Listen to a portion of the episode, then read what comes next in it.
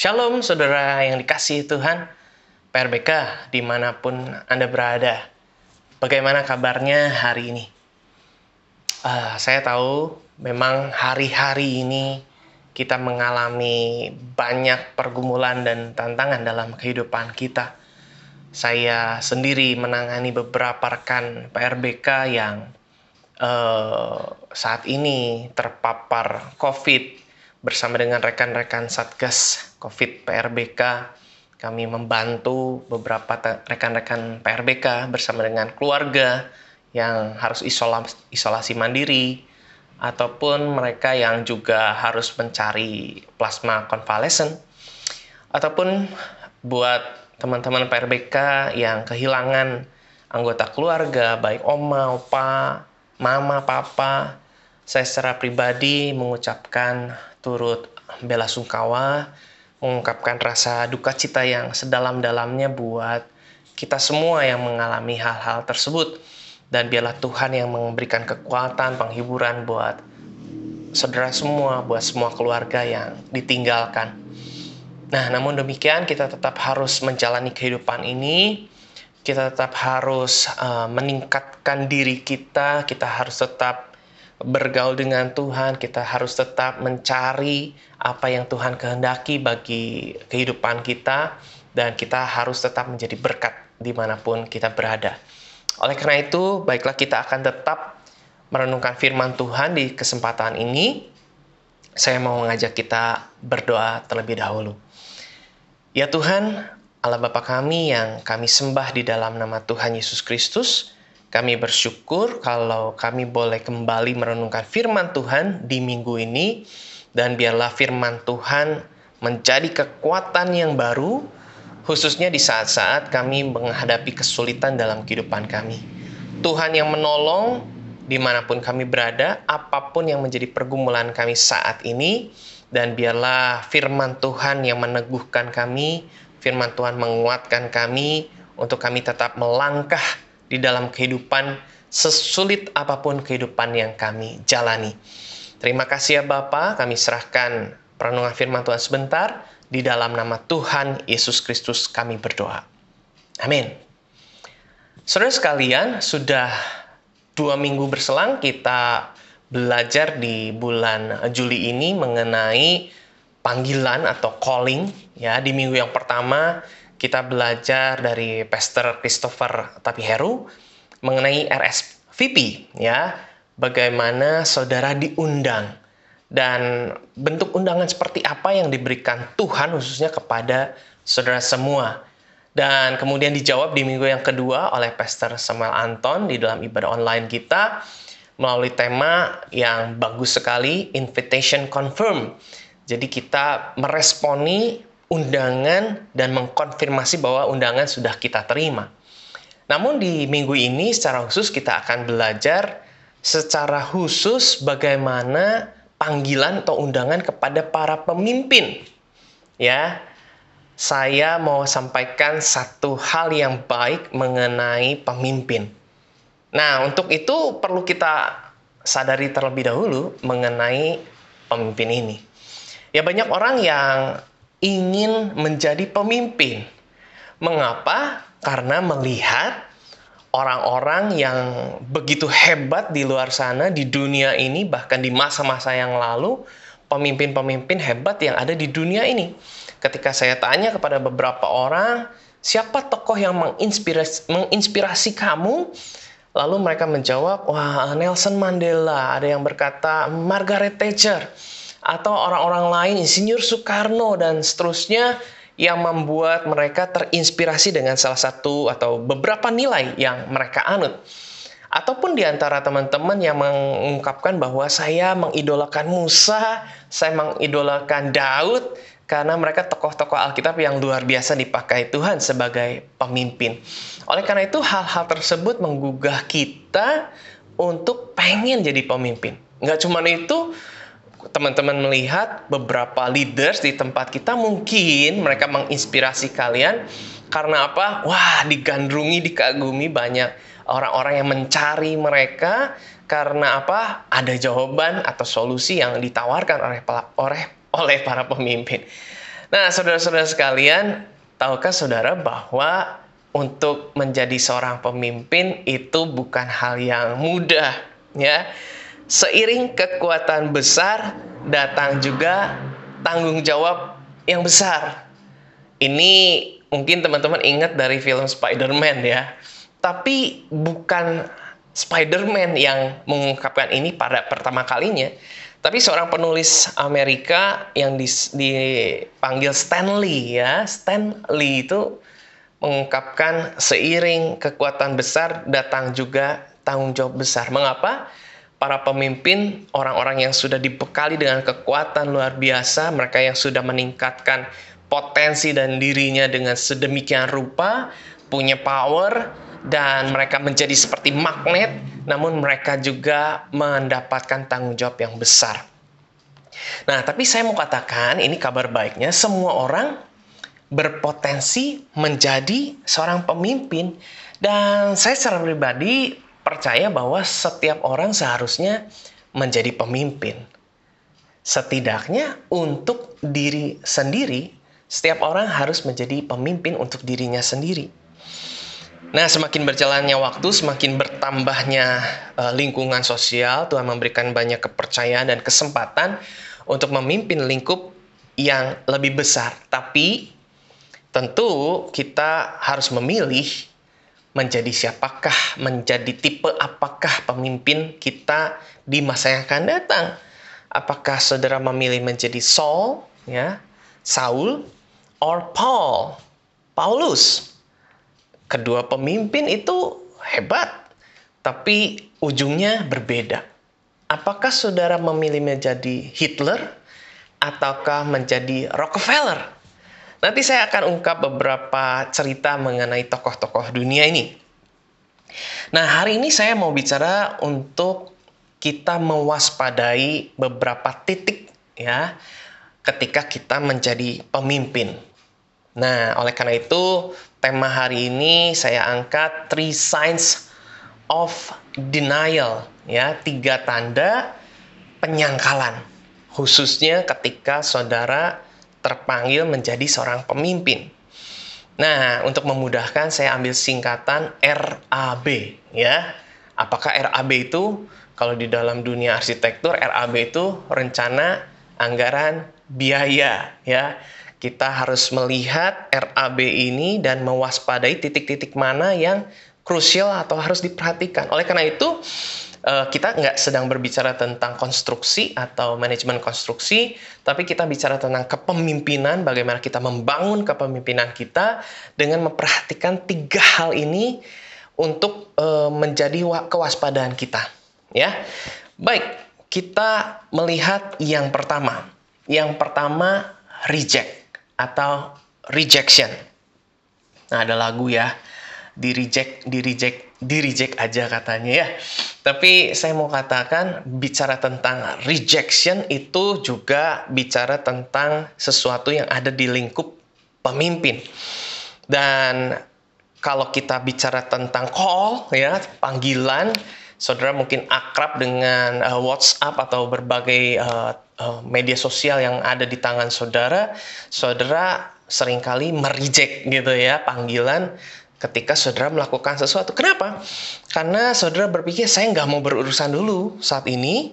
Saya sedang asik menikmati apa yang sedang saya lakukan. Atau mungkin memang saudara sedang sibuk begitu ya. Ada tengah waktu untuk mengumpulkan tugas-tugas yang uh, harus dikerjakan atau di, dikumpulkan. Tapi coba bayangkan ketika uh, saudara sedang mengerjakan sesuatu, tiba-tiba HP saudara berbunyi dan saudara melihat handphone saudara, hmm, kepala sekolah telepon, wah, atau hmm, presiden official Jokowi, bisa nggak ya itu ya? Mungkin saja gitu ya karena beberapa nomor uh, dari uh, instansi tertentu bisa melihat Greater Jakarta kita bisa muncul gitu ya di, di handphone kita. Lalu ketika saudara melihat itu nggak mungkin saudara reject, benar nggak? Ah, berarti apa yang membuat kita mereject? Karena kita nggak tahu siapa di balik penelpon itu dan kita nggak tahu seberapa kepentingannya. Dan saya yakin percaya kalau yang menelpon saudara adalah orang-orang yang penting, saudara nggak akan melakukan uh, reject atau penolakan itu ya. Nah, tapi kita mau melihat di dalam firman Tuhan ada satu orang yang merijek Tuhan. Nah, ini adalah satu hal yang harus diwaspadai oleh kita semua dan secara khusus para pemimpin. Mari kita lihat di dalam 1 Samuel pasal 15. Ada beberapa ayat di sini dan saya akan bacakan ayat 11, ayat 19, ayat 22 dan 23. Ya, sekali lagi 1 Samuel 15 ayat 11, 19, 22 dan 23. Ceritanya begini. Aku menyesal karena aku, aku ini Tuhan, telah menjadikan Saul raja. Sebab ia telah berbalik daripada aku dan tidak melaksanakan firmanku. Maka sakit hatilah Samuel. Ya Samuel sebagai nabi yang mengutarakan atau menyampaikan pesan Tuhan ini. Dan Samuel sebagai nabi juga yang mengurapi Saul. Dikatakan dicatat demikian, maka sakit hatilah Samuel dan ia berseru-seru kepada Tuhan semalam-malaman. Wah, ini adalah satu kepedihan di dalam hati Samuel mengingat Saul adalah raja pertama bagi bangsa Israel. Namun Tuhan berkata bahwa Saul adalah orang yang sudah berbalik daripada aku, tidak melaksanakan firmanku. Ya. Nah, Kemudian ayat itu berbicara, "Mengapa engkau tidak mendengarkan suara Tuhan?" Ini adalah teguran Samuel kepada Saul. "Mengapa engkau mengambil jarahan dan melakukan apa yang jahat di mata Tuhan?" Jadi kisah ini menceritakan bahwa Saul diperintahkan untuk menghabisi satu bangsa Amalek begitu ya yang nanti kita melihat begitu ya apa yang menjadi dasar begitu Tuhan eh, memberikan perintah ini kepada Saul ya. Nah, e, namun demikian perintah yang diberikan oleh Tuhan melalui Samuel kepada Saul itu tidak diindahkannya. Dan lanjut firman Tuhan berkata, tetapi jawab Samuel, apakah Tuhan itu berkenan kepada korban bakaran dan korban sembelihan sama seperti kepada mendengarkan suara Tuhan? Sesungguhnya mendengarkan lebih baik daripada korban sembelihan. Memperhatikan lebih baik daripada lemak domba-domba jantan. Nah, bagian ini tolong perhatikan saudara. Sebab pendurhakaan adalah sama seperti dosa bertenung dan kedegilan adalah sama seperti menyembah berhala dan terafim. Karena engkau telah menolak firman Tuhan, maka ia telah menolak engkau sebagai raja. Wah, ini adalah satu perkara yang mengerikan ya. Kalau saudara baca itu dan ketika saya membaca dan merenungkan, ini perkara yang mengerikan. Kalau Tuhan menolak kita, lalu apa yang bisa kita lakukan kemudian? Tapi perhatikan ini saudara, apa yang mengawali Tuhan menolak Saul karena Saul telah menolak firman Tuhan. Nah, kalau saudara ingat di tiga minggu yang lalu, saudari kita uh, Monica dan Gilbert, saudara Gilbert menyampaikan tentang Musa. Ingat nggak? Musa pun berdalih memberikan banyak alasan ketika hendak dipanggil Tuhan untuk menjadi pemimpin. Nah, ini agak sedikit berbeda konteksnya karena pada waktu itu Musa sudah meninggalkan Mesir lalu mengembalakan uh, domba di Midian dan kemudian Tuhan memanggil kembali untuk menjadi pemimpin bagi bangsa Israel yang sedang diperbudak di Mesir. Nah, panggilan kepada Musa, Musa itu uh, cukup minder sehingga dia berkata nggak bisa, saya nggak bisa ini berat lidah dan seterusnya. Namun pada akhirnya apa yang dilakukan Tuhan?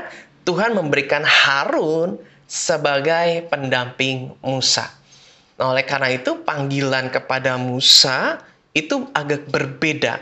Mengapa? Karena pada waktu itu Musa belum menjadi pemimpin yang official. Tapi Tuhan terus kejar sampai dia bisa melakukan tugasnya dengan pertolongan Harun. Nah, namun di dalam peristiwa ini Saul sudah menjadi raja yang berkuasa. Dia sudah menjadi pemimpin yang Tuhan percayakan dengan dengan uh, bangsa yang luar biasa ya. Nah, oleh karena itu ini menjadi perhatian buat kita ketika kita menjadi seorang pemimpin lalu kita kemudian menolak Tuhan, maka hati-hati. Hati-hati karena Tuhan bisa menolak saudara. Nah, saya mau katakan bahwa ini didasari dengan sebuah perintah yang ada di ayat yang kedua. Dikatakan begini, Beginilah firman Tuhan semesta alam, aku akan membalaskan apa yang dilakukan orang Amalek kepada orang Israel. Karena orang Amalek menghalang-halangi mereka ketika orang Israel pergi dari Mesir. Ya, kembali ke masa yang lampau, Tuhan mengingat bangsa ini yang begitu rindu untuk kemerdekaan, kebebasan, dan ini adalah umat pilihan Tuhan. Tuhan menyatakan pembebasan, namun ada bangsa di luar sana, di luar tanah Mesir itu, yang masih menghalang-halangi bangsa Israel. Dan Tuhan mengingat bahwa bangsa yang di luar itu, yang tidak mengenal Allah itu, perlu dihabiskan melalui Saul. Nah, ini yang menjadi perhatian bahwa Saul itu menganggap apa yang dipandang Tuhan itu bukanlah hal yang urgent atau hal yang penting. Karena itu dia menolak firman Tuhan tersebut. Lalu apa yang dilakukan Saul? Saul kemudian memilih ya ternak-ternak terbaik. Dalilnya adalah untuk dipersembahkan kepada Tuhan. Tapi itu sudah melanggar apa yang Tuhan mau. Bahkan dia menyelamatkan rajanya Agak. Oleh karena itu ini adalah hal yang harus diperhatikan oleh kita para pemimpin. Saudara boleh menolak sesuatu yang tidak dalam kapasitas saudara, atau bahkan saudara harus menolak sesuatu yang nggak penting. Tetapi jangan sampai saudara menolak firman. Oleh karena itu Tuhan berkata, Saul telah berbalik daripada aku dan tidak melaksanakan firmanku. Ya, sekali lagi hati-hati ketika kita merijek firman Tuhan, maka Tuhan bisa merijek kita, reject saudara. Nah, oleh karena itu saya baru memahami Matius 6 ayat 14 dan 15. Ini adalah satu pesan di dalam perjanjian baru. Jika saudara berkata, "Oh, itu hanya perjanjian lama," Ya betul, konteks perjanjian lama bahwa masih ada bunuh-membunuh di sana, menghabisi satu bangsa karena perintah Tuhan. Masuk dalam perjanjian baru, ternyata ada satu prinsip yang tetap Tuhan mau kita pelajari sungguh-sungguh. Matius 6 ayat 14 berkata demikian. Karena jikalau kamu mengampuni kesalahan orang, Bapamu yang di sorga akan mengampuni kamu juga. Ayat 15, tetapi jikalau kamu tidak mengampuni orang, Bapamu juga tidak akan mengampuni kesalahanmu. Pada mulanya saya berpikir, wah Tuhan katanya maha kasih, tapi kok tidak mengampuni kesalahan kita. Nah, saudara perhatikan di dalam apa yang menjadi poin pertama ini. Yang sebetulnya menjadi masalah besar adalah bukan soal kita tidak mengampuni sesama kita, tapi kita tidak melaksanakan firman Tuhan, alias kita menolak Tuhan, merijek Tuhan. Ketika itu kita lakukan, maka kita menolak Tuhan, dan Tuhan bisa menolak kita. Karena itu, mari sungguh-sungguh setiap kita orang percaya dan khususnya para pemimpin, kita perlu belajar mengerti apa yang Tuhan kehendaki jangan sampai kita merijek firman Tuhan. Itu yang pertama. Ya, R, reject. Yang kedua, apa yang perlu kita waspadai sebagai orang percaya dan sebagai pemimpin, ya? Yang kedua, alpa, ya. Sama-sama katakan alpa. Alpa. Alpa itu apa sih? Alpa itu kita sudah confirm mau hadir tapi nyatanya kita nggak hadir ya. Kalau di internet nih ya ada satu definisi yang bagus. Apa artinya? Lalai melakukan suatu kewajiban ya. Absen tanpa keterangan atau lalai menginformasikan alasan ketidakhadirannya, ketidakhadiran kita ya, di mana kita tuh harus hadir, ya kita tuh wajib hadir, tapi kita lalai menginformasikan ketidakhadiran kita kepada pihak yang terkait, ya. Berarti Anda lalai tidak memberitahu alasan kenapa saudara atau Anda tidak masuk. Apa itu juga disebabkan karena lupa ya atau ceroboh.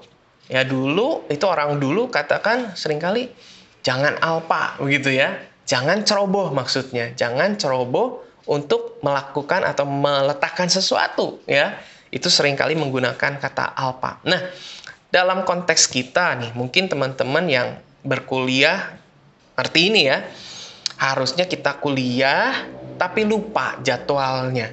Harusnya kita mengumpulkan tugas tapi kita nggak mengumpulkan gitu ya. Harusnya rapat tapi lupa rapatnya gitu ya.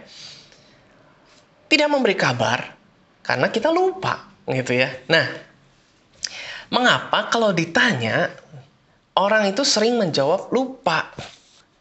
Karena jawaban itu adalah jawaban paling mudah ya.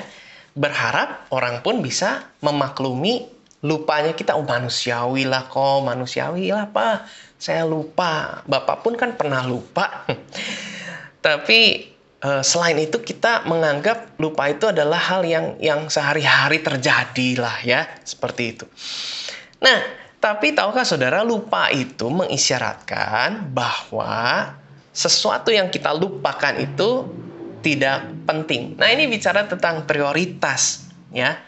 Saya mau ambil uh, dua contoh teman-teman tentang prioritas. Yang pertama contoh yang positif ya. Ada sebuah bank ya, yang memperlakukan nasabahnya secara prioritas ya. Anggap saja ada satu bank saya tidak menyebutkan ya ada hurufnya ABC begitu kan. Bank ABC ini. Bank ABC prioritas. Nah, berarti nasabah-nasabah prioritas itu ada di satu penanganan atau satu perlakuan khusus ya. E, yang pertama tentu dia harus punya dana mengendap e, minimal dalam satu tahun sebesar 500 juta gitu ya. Ini contohnya seperti itu. Dan ini yang perlu saudara perhatikan, tidak mungkin e, kita atau saudara menjadi nasabah prioritas kalau saudara memang punya uang 500 juta mungkin begitu atau lebih tapi saudara taruh di beberapa bank yang ada ya tidak hanya di bank ABC tapi DEF GHI disebar saudara punya uang sehingga tidak mencapai angka nominal atau persyaratan saudara menjadi prioritas maka saudara tidak menjadi nasabah prioritas ya. Karena itu kalau saudara mau menjadi nasabah prioritas maka harus kita memprioritaskan sesuatu menjadikan satu itu hal yang penting. Nah ada beberapa uh, pelayanan yang diberikan ya seperti contohnya saudara masuk uh, di ruangan khusus ya untuk uh, diproses berbagai transaksi yang saudara akan lakukan tanpa harus mengantri saudara mendapatkan beberapa promo-promo ya rate khusus untuk untuk uh, perbankan personal atau pengembangan bisnis dan seterusnya nanti saudara kalau sudah masuk dalam dunia kerja akan semakin mengerti ini banyak penawaran khusus dan seterusnya ya dan juga akses gratis ke airport lounge gitu ya di berbagai bandara. Ini contoh aja. Nah, oleh karena itu, ketika saudara memprioritaskan sebuah uh, bank ya untuk menyimpan dana saudara, maka saudara menjadi prioritas. Nah, ini menjadi gambaran yang penting bagaimana saudara bisa memprioritaskan sesuatu. Nah, contoh yang lain ya, contoh yang negatif itu bicara uh, hal-hal yang terjadi sehari-hari. Kenapa kita uh, mengerja, tidak mengerjakan tugas karena lupa dan guru bisa marah semarah-marah? Karena artinya pelajaran guru tersebut tidak dianggap prioritas, tidak dianggap penting. Nah, apalagi kalau bicara tentang pasangan ya. Kalau saudara mendapatkan pertanyaan, "Say, kok kamu lupa uh, monseri kita?" atau anniversary kita gitu ya. Ah, hati-hati saudara. Saudara ada dalam bencana ya. Nah, oleh karena itu atau misalnya birthday ya, teman-teman kita yang ulang tahun kok sahabat saya ini lupa birthday saya. Berarti apa? Berarti teman saudara itu atau kita ini merasa tersinggung karena tidak menjadi prioritas gitu ya. Nah, itu contoh-contohnya. Nah, ini yang saya mau berikan pesan buat saudara. Tahukah saudara bahwa lupa itu bisa menjadi benar-benar bencana sesungguhnya. Alpa itu ya, tidak hadir itu bukan cuma karena lupa, tapi karena memang saudara hmm, tidak mau hadir begitu ya. Itu bisa benar-benar merugikan bahkan menghilangkan nyawa. Nah, ini ada satu kisah yang menarik.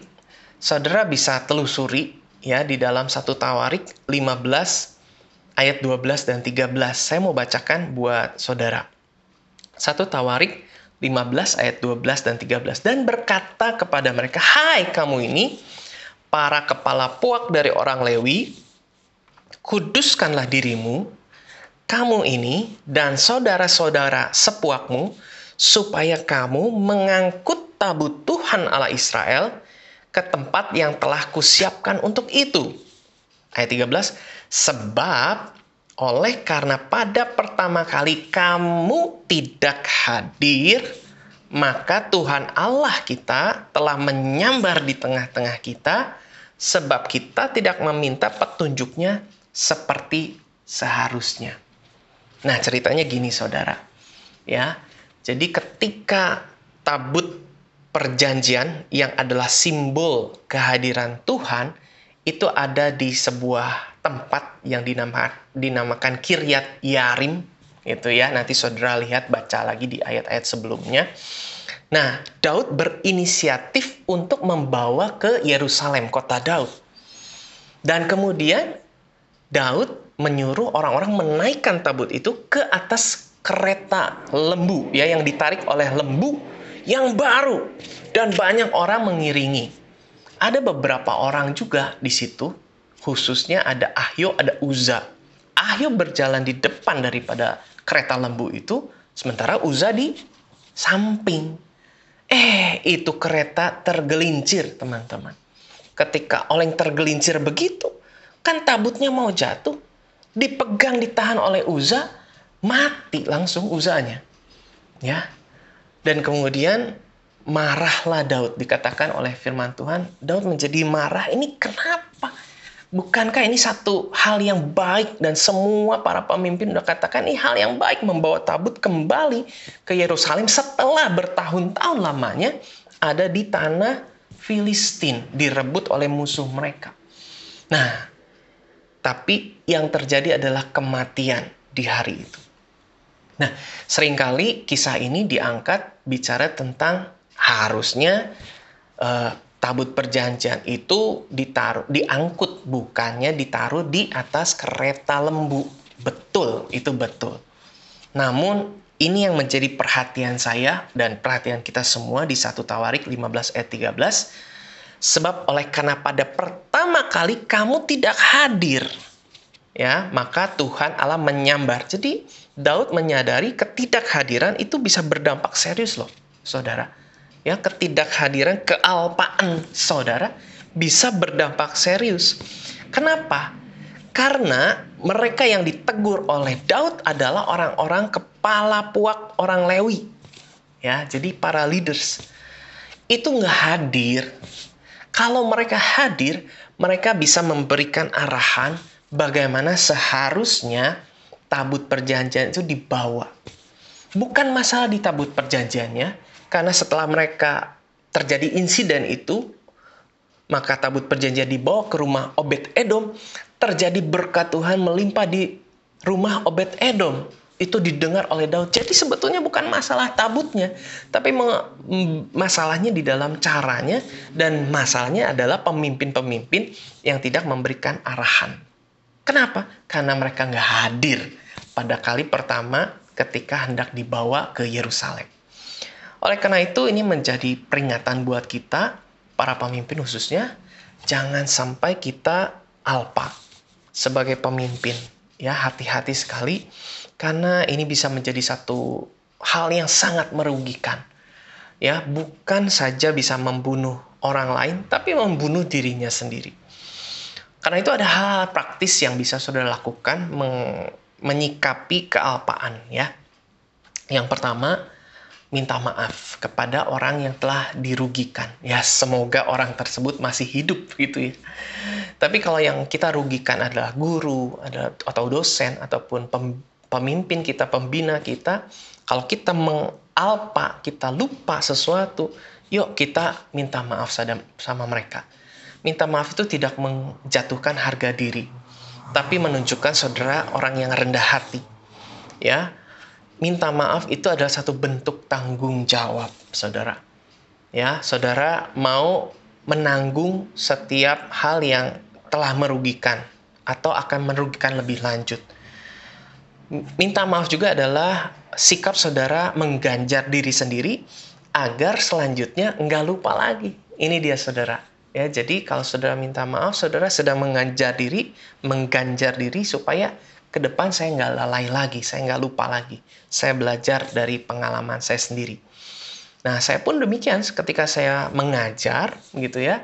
Saya sering kali e, kalau mahasiswa itu nggak mengerjakan UAS, saya bisa kasih E gitu ya, karena dia tidak menganggap UAS itu, ujian akhir semester itu penting.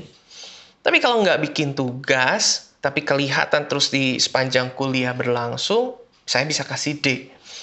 Tapi cukup besar juga konsekuensinya buat mahasiswa yang lupa mengerjakan satu soal, gitu ya. Satu soal aja lupa itu bisa mendropkan nilai saudara. Oleh karena itu, hati-hati ya. Lupa aja sedikit, lalai saja melakukan sesuatu, buat seorang pemimpin itu konsekuensinya cukup besar. Hal yang kedua yang menjadi aplikasi, catat dan perhatikan baik-baik. Ingat bahwa kealpaan bisa membunuh, ya, bukan orang lain tapi diri sendiri. Karena itu mari ya ketika kita mendengar sesuatu, kita sedang bercakap sesuatu, ketika kita, ketika kita sedang rapat atau melakukan sesuatu yang penting, kita perlu mencatat dengan baik supaya tidak ada kelalaian. Dan yang terakhir, yuk belajar untuk menempatkan prioritas. Nah, kepada siapa kita belajar? Belajarlah sama Tuhan ya. Tuhan itu menempatkan prioritas dengan baik satu kali. Tuhan itu merasa sangat letih karena seharian melayani orang-orang banyak bersama murid-muridnya. Ini dicatat di dalam Markus 6 itu ya. Lalu Tuhan sendiri bilang, Tuhan Yesus bilang, ayo kita mau menyepi atau menyendiri, kita mau beristirahat. Tapi kemudian ketika mereka naik ke atas perahu, orang-orang banyak itu mendahului mereka melalui jalan darat. Ini begitu luar biasa pengikut atau orang-orang yang mengikuti ya perjalanan pelayanan Tuhan Yesus. Dan ketika sampai di seberang uh, danau itu, kemudian orang-orang di situ banyak meminta pelayanan, Tuhan Yesus membatalkan istirahatnya. Tuhan Yesus tahu prioritas mana yang uh, harus dikerjakannya. Mengapa? Karena dia tahu bahwa waktunya itu sangat singkat. Dia hanya punya waktu tiga tahun setengah dan dia tahu benar karena dia tuh dia adalah Tuhan 100%. Dia tahu benar bahwa itu adalah hal yang terpenting, melayani orang-orang. Dan pada hari itu terjadilah mujizat, 5.000 orang makan sampai kenyang, laki-laki saja, hanya dari lima roti dan dua ikan. Saudara tahu cerita itu. Lihat di Markus 6. Nah, oleh karena itu kita yuk belajar menempatkan prioritas dengan benar. Mungkin saudara punya grup WA yang kebanyakan ya. Saya tahu semakin pandemi ini semakin panjang, mungkin semakin banyak juga grup yang saudara punya dan saudara hanya bisa mempin tiga grup gitu yang terpenting. Ya is okay. Ya pilih prioritas yang mana ya grup keluarga kah grup pekerjaan kah grup studi kah dan tolong ini tips saja untuk saudara. Jelaskan alasan saudara kepada orang-orang lain yang ada di grup-grup lain kenapa mereka tidak bisa diprioritaskan. Tampaknya itu akan membantu ya. Jangan memberikan harapan palsu atau menjadi silent reader doang gitu ya. Karena apa? Karena orang berharap ketika saudara ada di dalam satu grup memberikan respon yang positif atau negatif atau komentar atau apa pun itu supaya ada peningkatan di dalam pelayanan pekerjaan atau grup yang kita ikuti bersama tapi sayangnya saudara di sana tidak berkontribusi apa-apa Nah, ini bicara tentang kealpaan, ketidakhadiran kita. Ya, bukan hanya secara nyata, dunia nyata karena memang kita susah untuk bertemu, kita harus social distancing begitu, physical distancing. Kita harus masuk lagi uh, masa PPKM begitu, harus di rumah dengan keterbatasan uh, media yang harus kita bisa akses dan seterusnya. Tapi yuk kita perhatikan mana di momen seperti ini yang kita tidak boleh lalai, kita nggak boleh alpa. Itu yang kedua. Dan terakhir, RAB, B, blokir. Ya, apakah saudara pernah memblokir seseorang?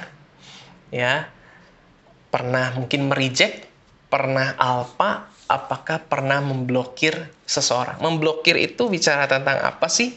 Memblokir itu bicara tentang wah saya nggak mau berurusan lagi dengan kamu, begitu kan ya. Ada sikap uh, memusuhi atau mungkin dendam atau uh, tidak nyaman akibat sikap atau perbuatan atau perilaku orang lain. Khususnya di dalam grup atau di dalam sosial media yang saudara punya. Nah ada satu ceritanya lagi, ini nggak panjang.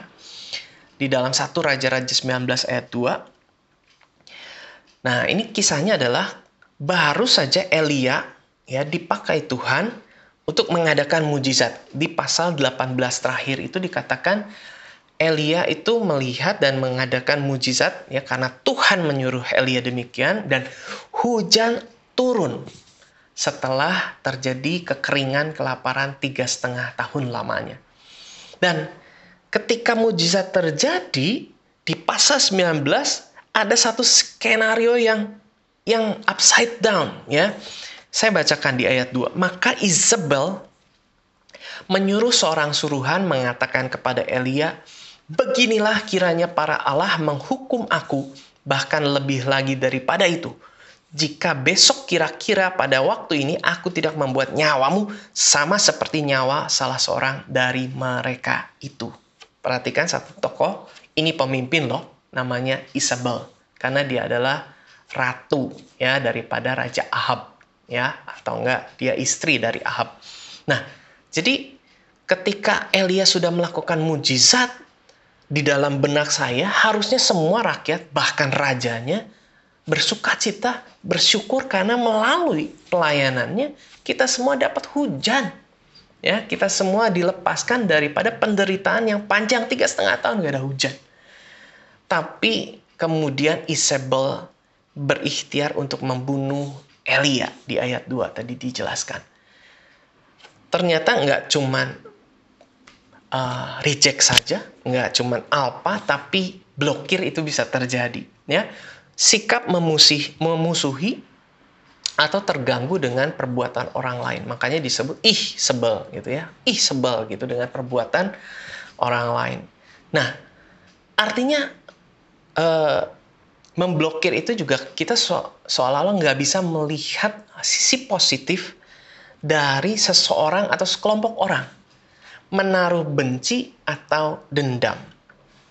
Nah, dalam pemimpin dunia ini saya mau cerita dua tokoh ya. Yang pertama itu disebut atau dinamakan kita panggil Hitler ya. Hitler itu menaruh kebencian pada orang Yahudi. Kenapa?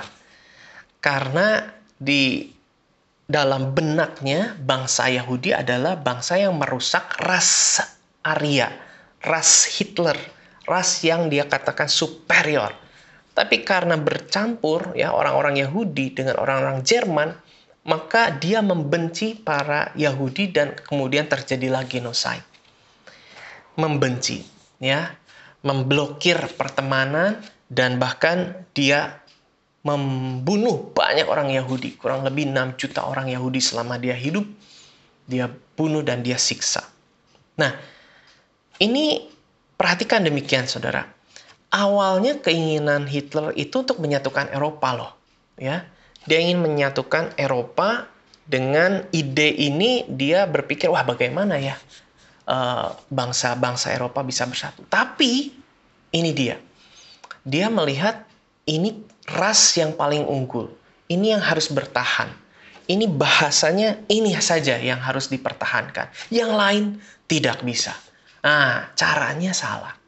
Jadi bisa saja kita punya ide yang bagus, tapi ketika caranya salah, bahkan itu adalah cara yang jahat, kita pun berdosa di hadapan Tuhan. Nah, sebaliknya ada satu tokoh dunia juga disebut atau dipanggil atau kita kenal John Davison Rockefeller. Dia adalah seorang pebisnis Amerika. Ya, dia punya perusahaan minyak bernama Standard Oil dan menjual minyak di Amerika Serikat pada abad ke-19 dan awal abad ke-20. Nah, dia dipercaya sebagai miliarder pertama dalam sejarah dunia, orang terkaya dalam sejarah Amerika. Selama dia hidup saja ya, kekayaannya mencapai 336 juta US dollar. Wow. Nah, ini yang menjadi menarik adalah dia menggunakan Rockefeller ini menggunakan kekayaannya untuk menolong orang. Ya, terlepas terlepas dari konspirasi-konspirasi yang berada dalam kehidupannya. Ya, biasalah orang kaya begitu ya. Pasti aja ada orang-orang yang membenci dan sebagainya dan muncul juga konspirasi tentang Illuminati bahkan konspirasi tentang COVID-19 juga menyinggung uh, nama Rockefeller ini. Namun yang menarik adalah dia menganut filantropi atau artinya uh, cinta manusia. Dia mendirikan yayasan dan kemudian menyumbangkan dana yang besar untuk uh, kemanusiaan.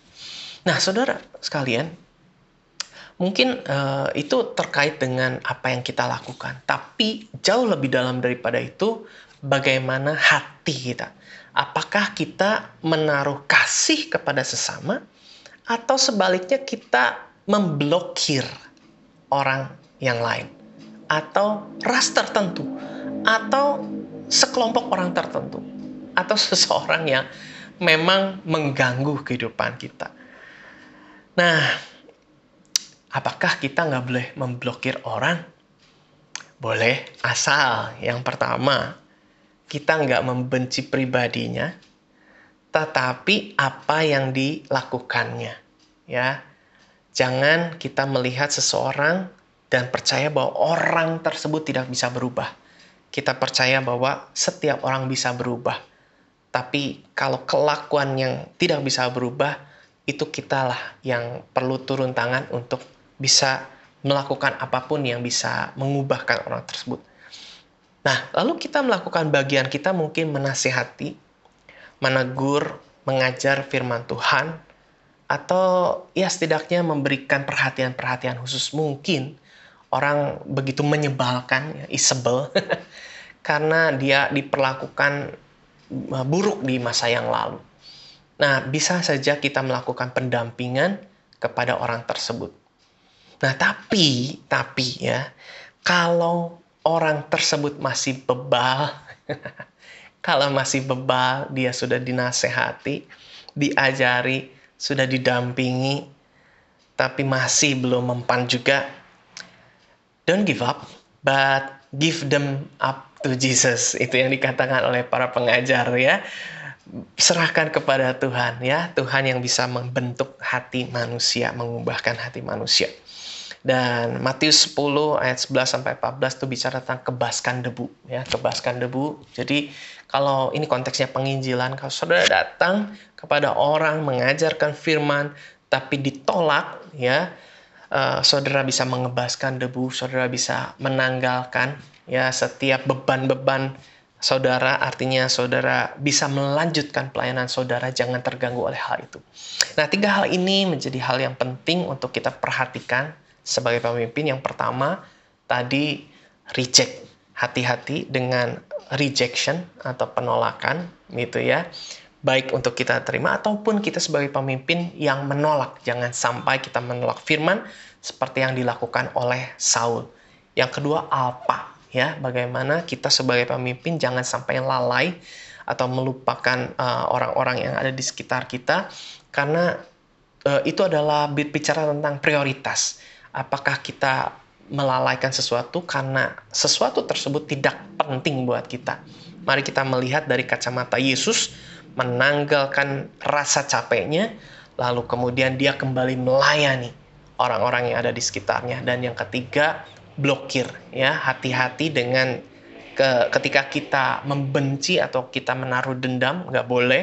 Firman Tuhan sendiri berkata kasihilah musuhmu doakan mereka dan mari kita melihat bahwa Tuhan bisa berperkara bagi orang-orang yang ada di sekitar kita ya.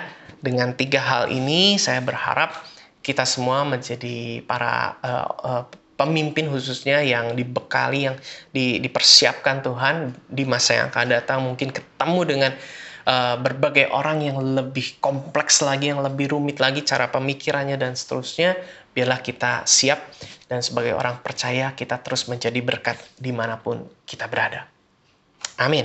Mari kita berdoa mengakhiri firman Tuhan pada hari ini. Kami bersyukur Tuhan untuk kesempatan ini kami boleh belajar mengenai tiga hal yang perlu diwaspadai secara khusus bagi kami sebagai para pemimpin.